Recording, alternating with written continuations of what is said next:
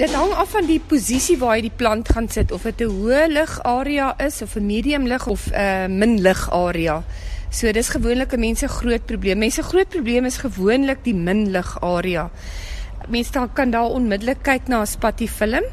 'n Spatifilm maak 'n pragtige mooi wit lelieagtige blommetjie uit 'n beautiful blaar en 'n blink blaar en hy het nie verskriklik baie water nodig nie. So dit is die lae lig areas.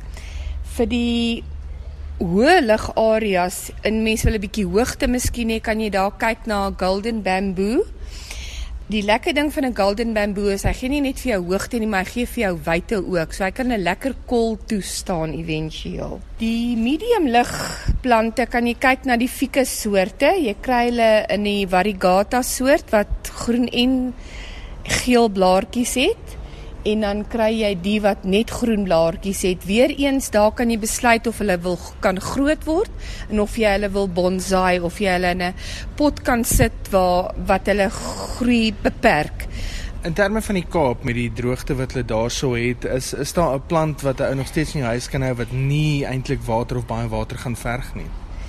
Weet jy wat jy kan kyk na jou kalanchoes, hulle kom in verskillende kleure. Hy het 'n vet plantagtige blaartjie tekstuur vreeslik mooi. Jy kan dit groepeer in een groot bak.